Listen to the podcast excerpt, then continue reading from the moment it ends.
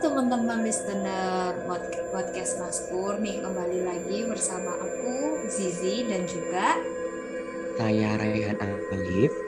Nah di sini kita kembali lagi bersama Amis. Nah kali ini kita akan membacakan treat dari uh, cerita setan. Nah ini tuh cerita setan ini emang apa ya? akun di Twitter khusus yang menceritakan cerita-cerita horor. Nah, sendernya kali ini itu menceritakan tentang pengalaman serem PKL di rumah sakit. Ini aku baca ya teman-teman. Halo, intermezzo lagi ya. Kebetulan kemarin ada yang kirim email nyeritain pengalaman waktu PKL di salah satu rumah sakit di kota pelajaran. Cerita dari sudut pandang si narasumber ya, tapi udah disamarin kok namanya Sebelumnya, bagi yang tahu lokasinya, mohon untuk disimpan sendiri aja ya. Langsung aja ke ceritanya. Hari yang dinanti tiba. Akhirnya, aku bisa merasakan gimana rasanya PKL. Ya, walaupun banyak juga cerita mistis ketika PKL, tapi bagiku horor itu ketika aku telat menaik, menunaikan kewajiban sholat. Nggak nutup kemungkinan juga kalau pas lihat setan rasanya seneng banget dan bahagia aja bisa bantu orang lain dalam PKL. Apalagi aku adalah seorang perawat. Kalau menurut cerita yang beredar, rumah sakit ini katanya terkenal angker dan kebetulan aku kebagian di sana. Ya, walaupun hampir semua rumah sakit pasti angker ya. Tapi mau gimana lagi? Dan ini pengalaman seram pertama waktu itu. Teman-temanku biasanya manggil aku Putri. Aku kuliah di kota ini juga. Kebetulan waktu itu aku sudah selesai beberes untuk perlengkapan buat besok berangkat. Setelah semua siap, aku bersama kakak berangkat menuju lokasi. Nggak sampai satu jam kok perjalanannya. Tibalah aku di asrama. Waktu pertama kali aku menginjakkan kaki di asrama, rasanya kok gini banget ya? Merinding aja lihatnya ada kesan seramnya juga. Tapi aku coba untuk nggak mikirin ke arah mistis gitu. Takut kalau nanti malah kejadian. Singkat cerita setelah memasuki minggu pertama masa PKL kebetulan nih aku kebagian shift malam. Dan waktu itu rekan shiftku ditemani sama tiga orang laki-laki dan tiga teman perempuan. Namanya Dian, Sasa, dan Mega. Nah, aku lupa jam berapa. Tapi malam itu malam itu aku jaga di bagian depan atau resepsionis salah satu bangsal bersama satu laki-laki namanya Agus dan teman-teman yang lain sudah muter bangsal buat ngecek satu persatu pasien. Semakin malam karena juga sepi. Kok mendadak suasana jadi tegang mencekam gini ya? Tapi untungnya Agus ber inisiatif buat ngajak ngobrol, jadi agak tenang walaupun masih merinding. Tapi begonya Agus, kenapa dia malah nanya ini yang menurutku malah bikin suasana tambah serem. Bayangin aja, dia tiba-tiba nanya gini, Put, dengar suara orang ketawa nggak? Kayak suara tuh di ruangan sebelah, tanya Agus. Ya siapa yang nggak kesal kan? Suasana lagi kayak gini eh si Agus malah bikin suasana tambah seram. Emang gak peka tuh cowok. Sebenarnya aku juga dengar suara itu tapi aku emang sengaja jawab gak denger. Biar Agus gak nanya lagi. Eh malah ngadi-ngadi nih bocah. Dia nanya lagi kalau ada bau melati. Nah kan emang bener-bener nih si Agus. Gak lama tiba-tiba ada suara manggil Agus ternyata Roni yang manggil. Agus pun langsung pergi. Sekarang aku sendiri di depan. Bayangin aja ya, gak ada siapa-siapa. Pak Satpam yang biasanya jaga di dalam pun juga gak ada. Gak tahu ke mana. 10 menit kemudian, kok dari arah koridor aku kayak dengar langkah kaki. Dan itu gak cuma sepasang, tapi kayak ramai orang gitu pas aku tunggu-tunggu kok nggak sampai-sampai nih orang. Aku tengok nih ke arah suara. Dan ternyata nggak ada siapa pun dari siapa pun mulailah aku ketakutan. Pokoknya campur aduk itu rasanya. Keringat dingin gemeter dan kakiku nggak mau berhenti gerak. Kayak tremor gitu loh. Pas posisi kayak gitu apesnya lagi aku harus ganti pembalut. Pokoknya malam itu aku sial banget. Intinya aku doa aja sebisaku. Aku jalan cepat ke toilet yang deket dan langsung ganti pembalut. Nah ini kejadian paling serem kalau menurutku. Ketika aku selesai ganti dan pembalut udah aku kemas sedemikian rupa biar ketutup rapet terus aku buang ke tong sampah. Nah pas lagi cuci tangan di wastafel otomatis kan kalau ada cermin pasti ngaca dulu. Geluduk serak. Tahu nggak suara apa itu? Itu suara bak sampah jatuh dan pembalutku kebuka. Dan di sana dengan jelas banget aku lihat ada sosok perempuan pakai baju putih. Mukanya pucat banget. Rambutnya panjang dan ngesot sedang jilatin padahal itu udah aku bersihin. Seremnya lagi pas dia udah selesai jilatin gitu perempuan itu langsung natap ke arahku. Aku bener-bener gak bisa gerak waktu itu. Kayak tubuhku tuh nge-fresh gitu loh. Mau ke mana-mana gak bisa. Yang aku ingat aku kebangun. Aku kebangun di ruangan yang udah ada teman-temanku.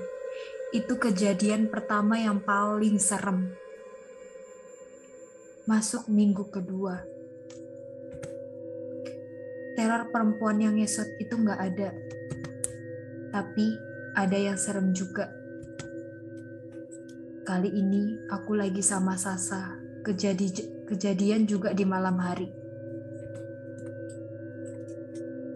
Waktu itu aku sama Sasa lagi muter bangsal sama ngecek pasien. Kebetulan rumah sakit ini lumayan luas jadi ya lumayan capek. Nah, pas kita jalan ke lorong atau koridor, setelah keluar dari ruangan pasien, kok tiba-tiba aku kayak nyium bau melati lagi. Merinding nih, terus aku nanya ke Sasa, kalau dia juga nyium apa enggak, dan ternyata juga nyium. Kita saling natap, larut dalam pikiran masing-masing. Kira-kira ada apa nih kok mendadak nyium aroma melati. Kita terus jalan agak cepat sampai ketika kita belok, tuh udah kelihatan banget koridor atau lorongnya panjang. Kita berhenti, saling pandang, pokoknya udah mikir yang serem-serem. Lagi kalau kayak di film-film gitu, tiba-tiba lampu mati satu persatu. Intinya, aku mikir gimana caranya sampai di ujung tanpa ada gangguan. Setelah berpikir, gak ada jalan lagi selain menyusuri, menyusuri lorong rumah sakit yang di kanan kirinya kayak taman gitu. Kita gandengan, sempat aku remas tangan Sasa karena emang takut. Nah, pas sampai tengah, itu percabangan, aku sama Sasa ngeliat ada perempuan pakai baju pasien lagi berdiri gitu di sisi lorong sebelah kanan. Akhirnya kita samperin nih pasien. Kita tanya-tanyain kok malam-malam gini di luar. Nah, pas udah sampai di belakangnya, aku sapa kan si perempuan ini. Kalau dilihat dari belakang kayak mbak-mbak gitu, rambutnya sepinggang, tapi agak cakak-cakan Permisi mbak, kok malam-malam di luar? Kenapa? Tapi pasien itu nggak jawab, cuma diem aja. Nengok pun juga enggak. Aku kira aku kurang keras manggilnya. Kemudian aku tanya lagi tapi agak keras. Nah pas kedua kalinya itu, Mbak itu nengok.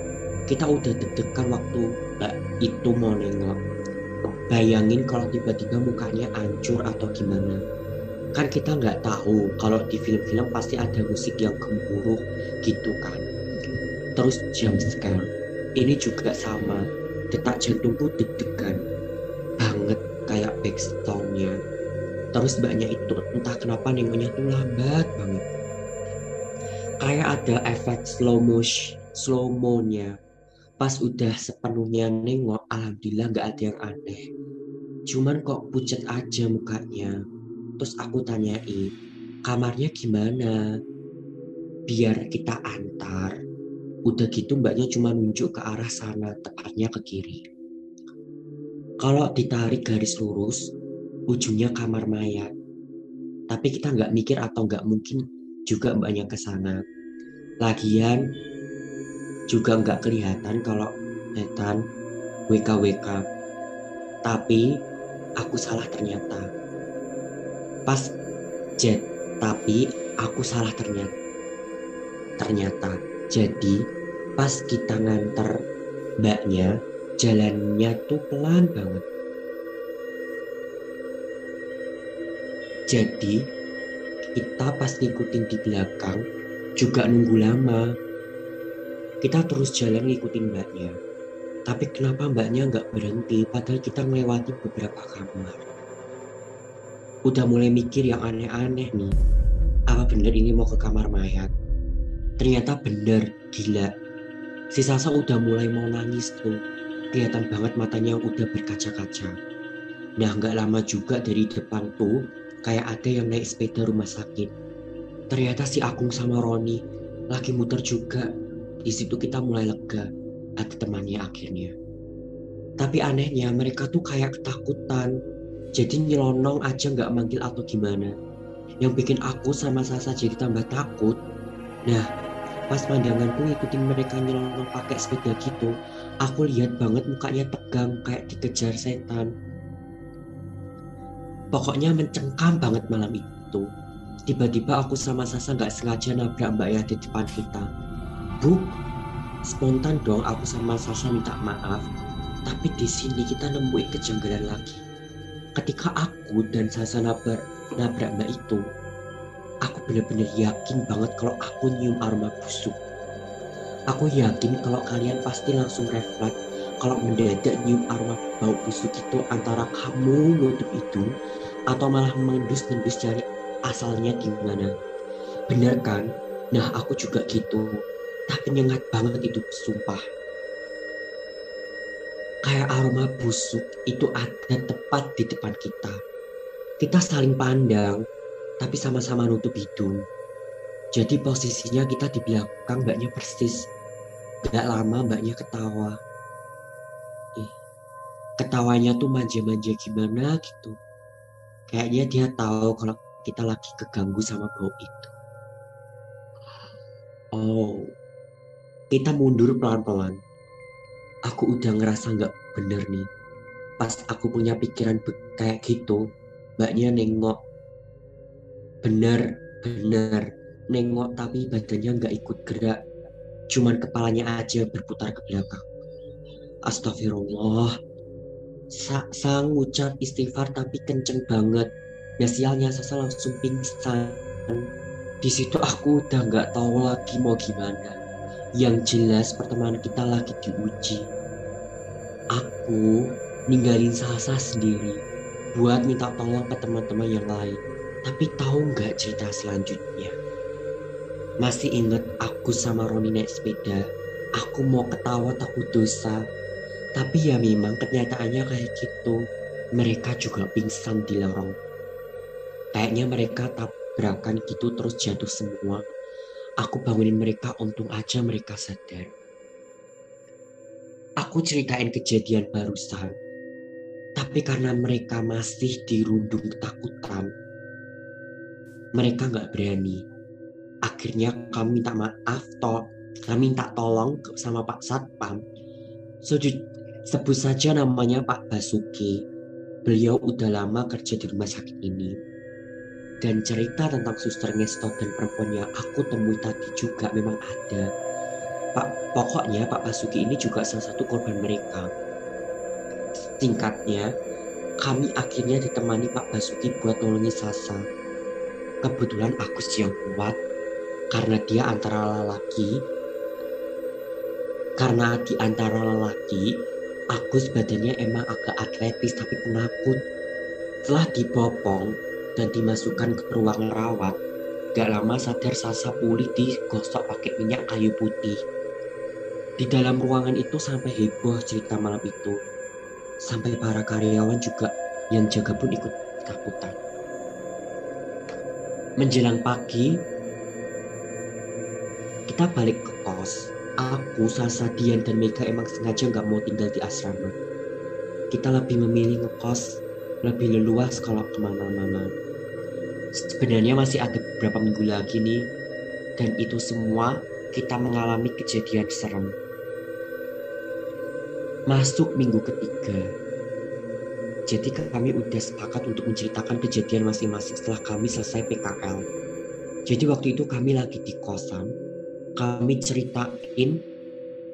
Jadi waktu itu kami lagi di kosan, kami cerita semuanya. Ternyata memang kita itu dikasih kesempatan mereka buat punya pengalaman serem loh. Yang parahnya lagi, ceritanya si Dian uh, yang parahnya lagi ceritanya si Dian tapi aku mau masuk ke cerita Mega dulu. Di sini aku pakai sudut pandang yang sama. Ya, aku Mega. Jadi waktu itu kebetulan aku yang jaga sama Dian. Si Putri dan Sasa masuk shift pagi. Kejadian yang sama di malam hari. Aku lagi dapat kerjaan bantuin di bagian administrasi si Dian lagi bantuin salah satu perawat di bangsa lantai satu. Kalau nggak salah, ingat sekitar jam 10 malam, aku masih sibuk dengan layar laptop di ruangan. Aku sortir nama-nama pasien, data nama-nama pasien, entah pasien baru, lama yang sudah sembuh atau yang sudah meninggal. Tiba-tiba ada perawat masuk ruangan, dia bilang, kalau mau ngecek pasien baru yang tadi masuk baru masuk tadi siang baru masuk. Katanya korban kecelakaan. Dia juga sedikit cerita kalau lihat kondisinya udah parah banget tadi siang aku tanya dong emang parahnya gimana mbak dia jawab kalau beberapa tulangnya patah dan banyak darah yang gitu yang keluar selesai cerita dia langsung pamit ke ruangan pasien buat pengecekan rutin. Singkat cerita pekerjaanku belum selesai. Aku rehat sebentar karena mataku pusing liatin layar laptop terus. Aku keluar ruangan buat liatin suasana. Mondar mandir nyari angin. Dan pas banget perawat tadi baru jalan di koridor. Aku samperin dan mau nanya keadaan si pasien. Betapa kagetnya aku setelah mendengar ucapan Mbak Perawat. Mbak, gimana kondisinya pasien tadi? Kataku penasaran. Pasien yang mana, dek? Yang katanya mbaknya korban kecelakaan tadi siang, mbak. Barusan juga mbak masuk ruangan terus cerita sama aku kok. Masa udah lupa, mbak? Aku jelasin lagi kronologinya. Aku ngeliatin si mbak perawat malah ngutin kening. Kayak heran gitu. Lah, aku malah baru mau ke sana, Dek. Ini Mbak juga lagi mau ngambil peralatan di ruangan. Katanya, lo kok bisa lah? Terus tadi yang ngobrol sama aku siapa? Sekarang aku jadi parno sendiri. Gimana enggak? Orang tadi aku ngobrol sama si mbaknya kok. Masa iya aku ngobrol sama hantu perawat sih sambil batin gitu. Tapi mbaknya tadi juga gubris omonganku dia malah diem aja sambil berlalu ninggalin aku karena aku juga penasaran aku ikutin mbak perawatnya mbak aku ikut ya boleh iya dek ikut aja nggak apa-apa. Aku jalan di belakangnya sambil mikir yang tadi. Pas udah mau sampai ruangan sebelum mbak perawat buka pintu di situ ada sosok perawat keluar dari ruangan. Tapi dia nggak buka pintu alias nembus. Dan anehnya mbak perawat nggak lihat sosok itu. Jadi cuma aku yang lihat. Bener-bener kayak manusia tapi transparan. Karena saking fokus lihat sosok itu malah nengok sambil senyum spontan aku takbir Allahu Akbar Sebelumnya aku jelasin dulu sedikit tentang tentangku ya. Jadi emang dari kecil aku udah bisa melihat makhluk goib.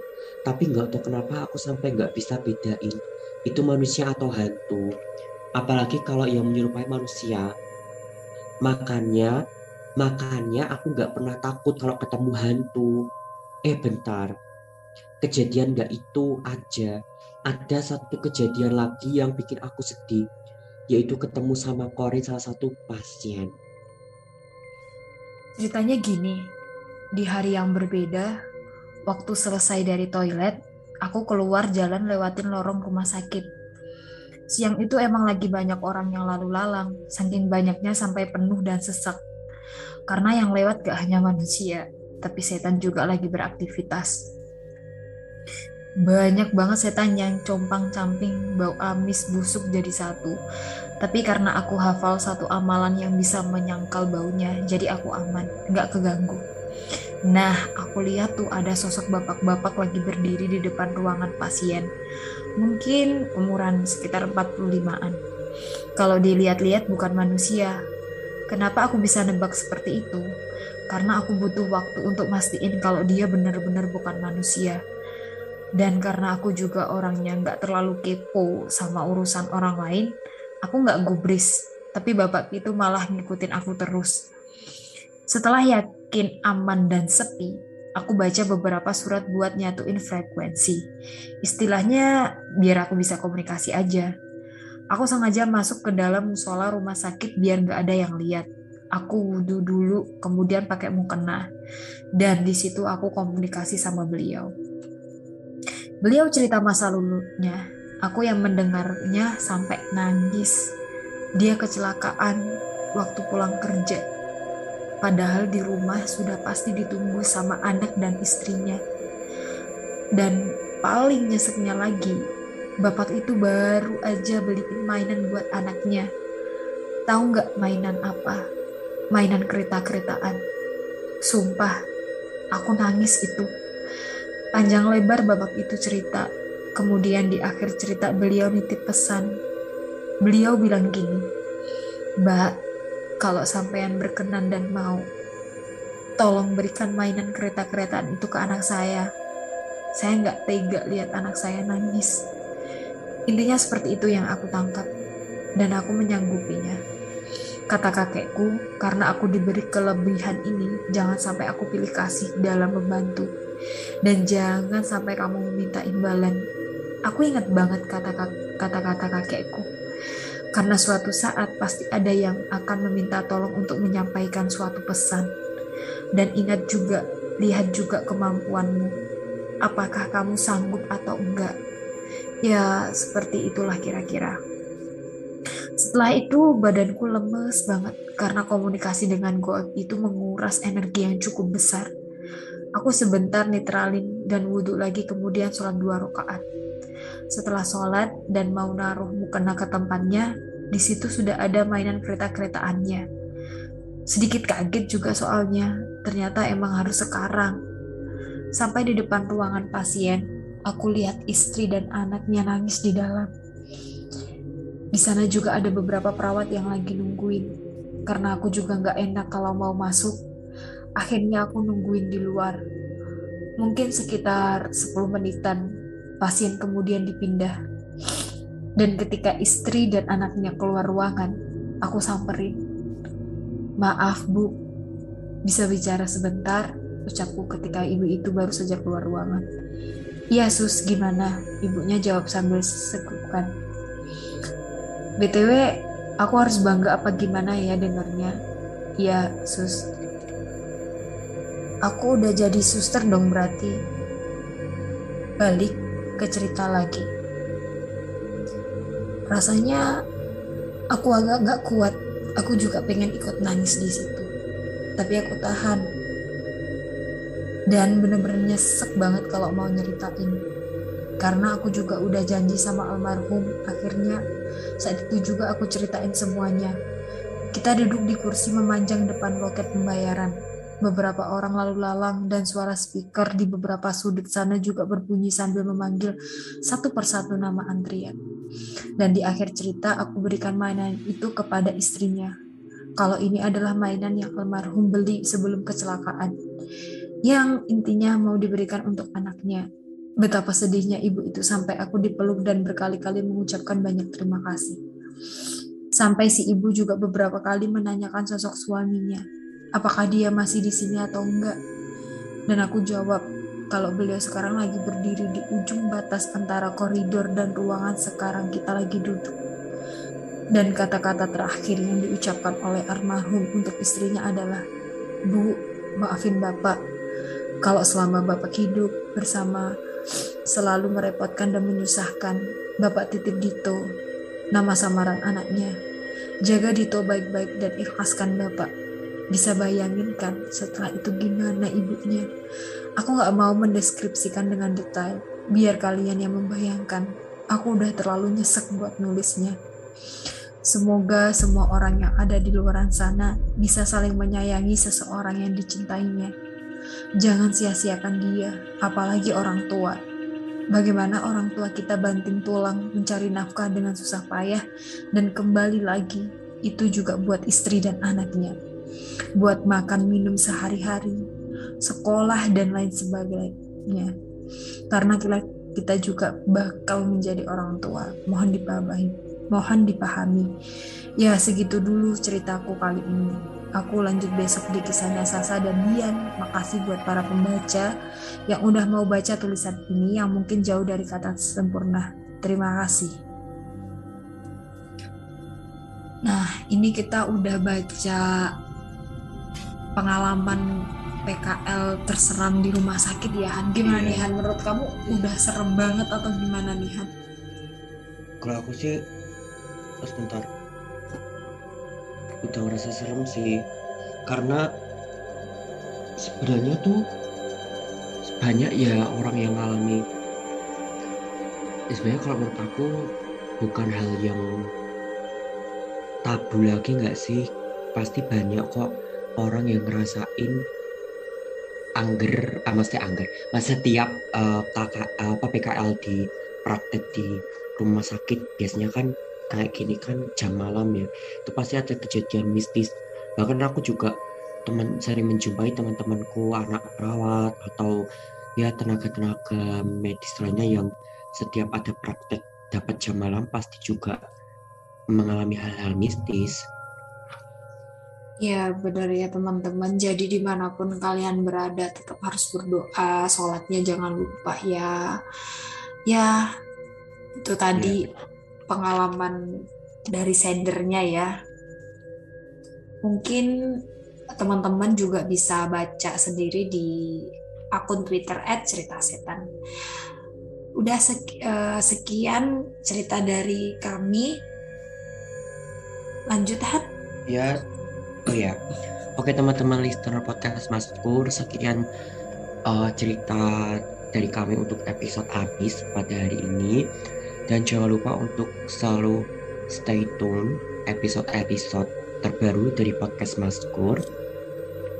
Mungkin sebelum uh, aku dan Mak pamit, jangan lupa untuk follow akun sosial media dari podcast Maskur untuk Instagramnya @maskur.podcast double S R. Lalu untuk akun TikToknya untuk... akun TikToknya Maskur M A S S K U R R dan akun Twitternya Maskur underscore podcast. Dan jangan lupa untuk uh, ngisi Curious Chat kalian bisa berikan kritikan ataupun saran serta masukan tentang episode-episode di podcast Maskur. Oke teman-teman listener podcast Maskur, saya dan Alif pamit. Saya Rizi Ramadhani juga pamit. Sampai jumpa di episode selanjutnya. See you. See you.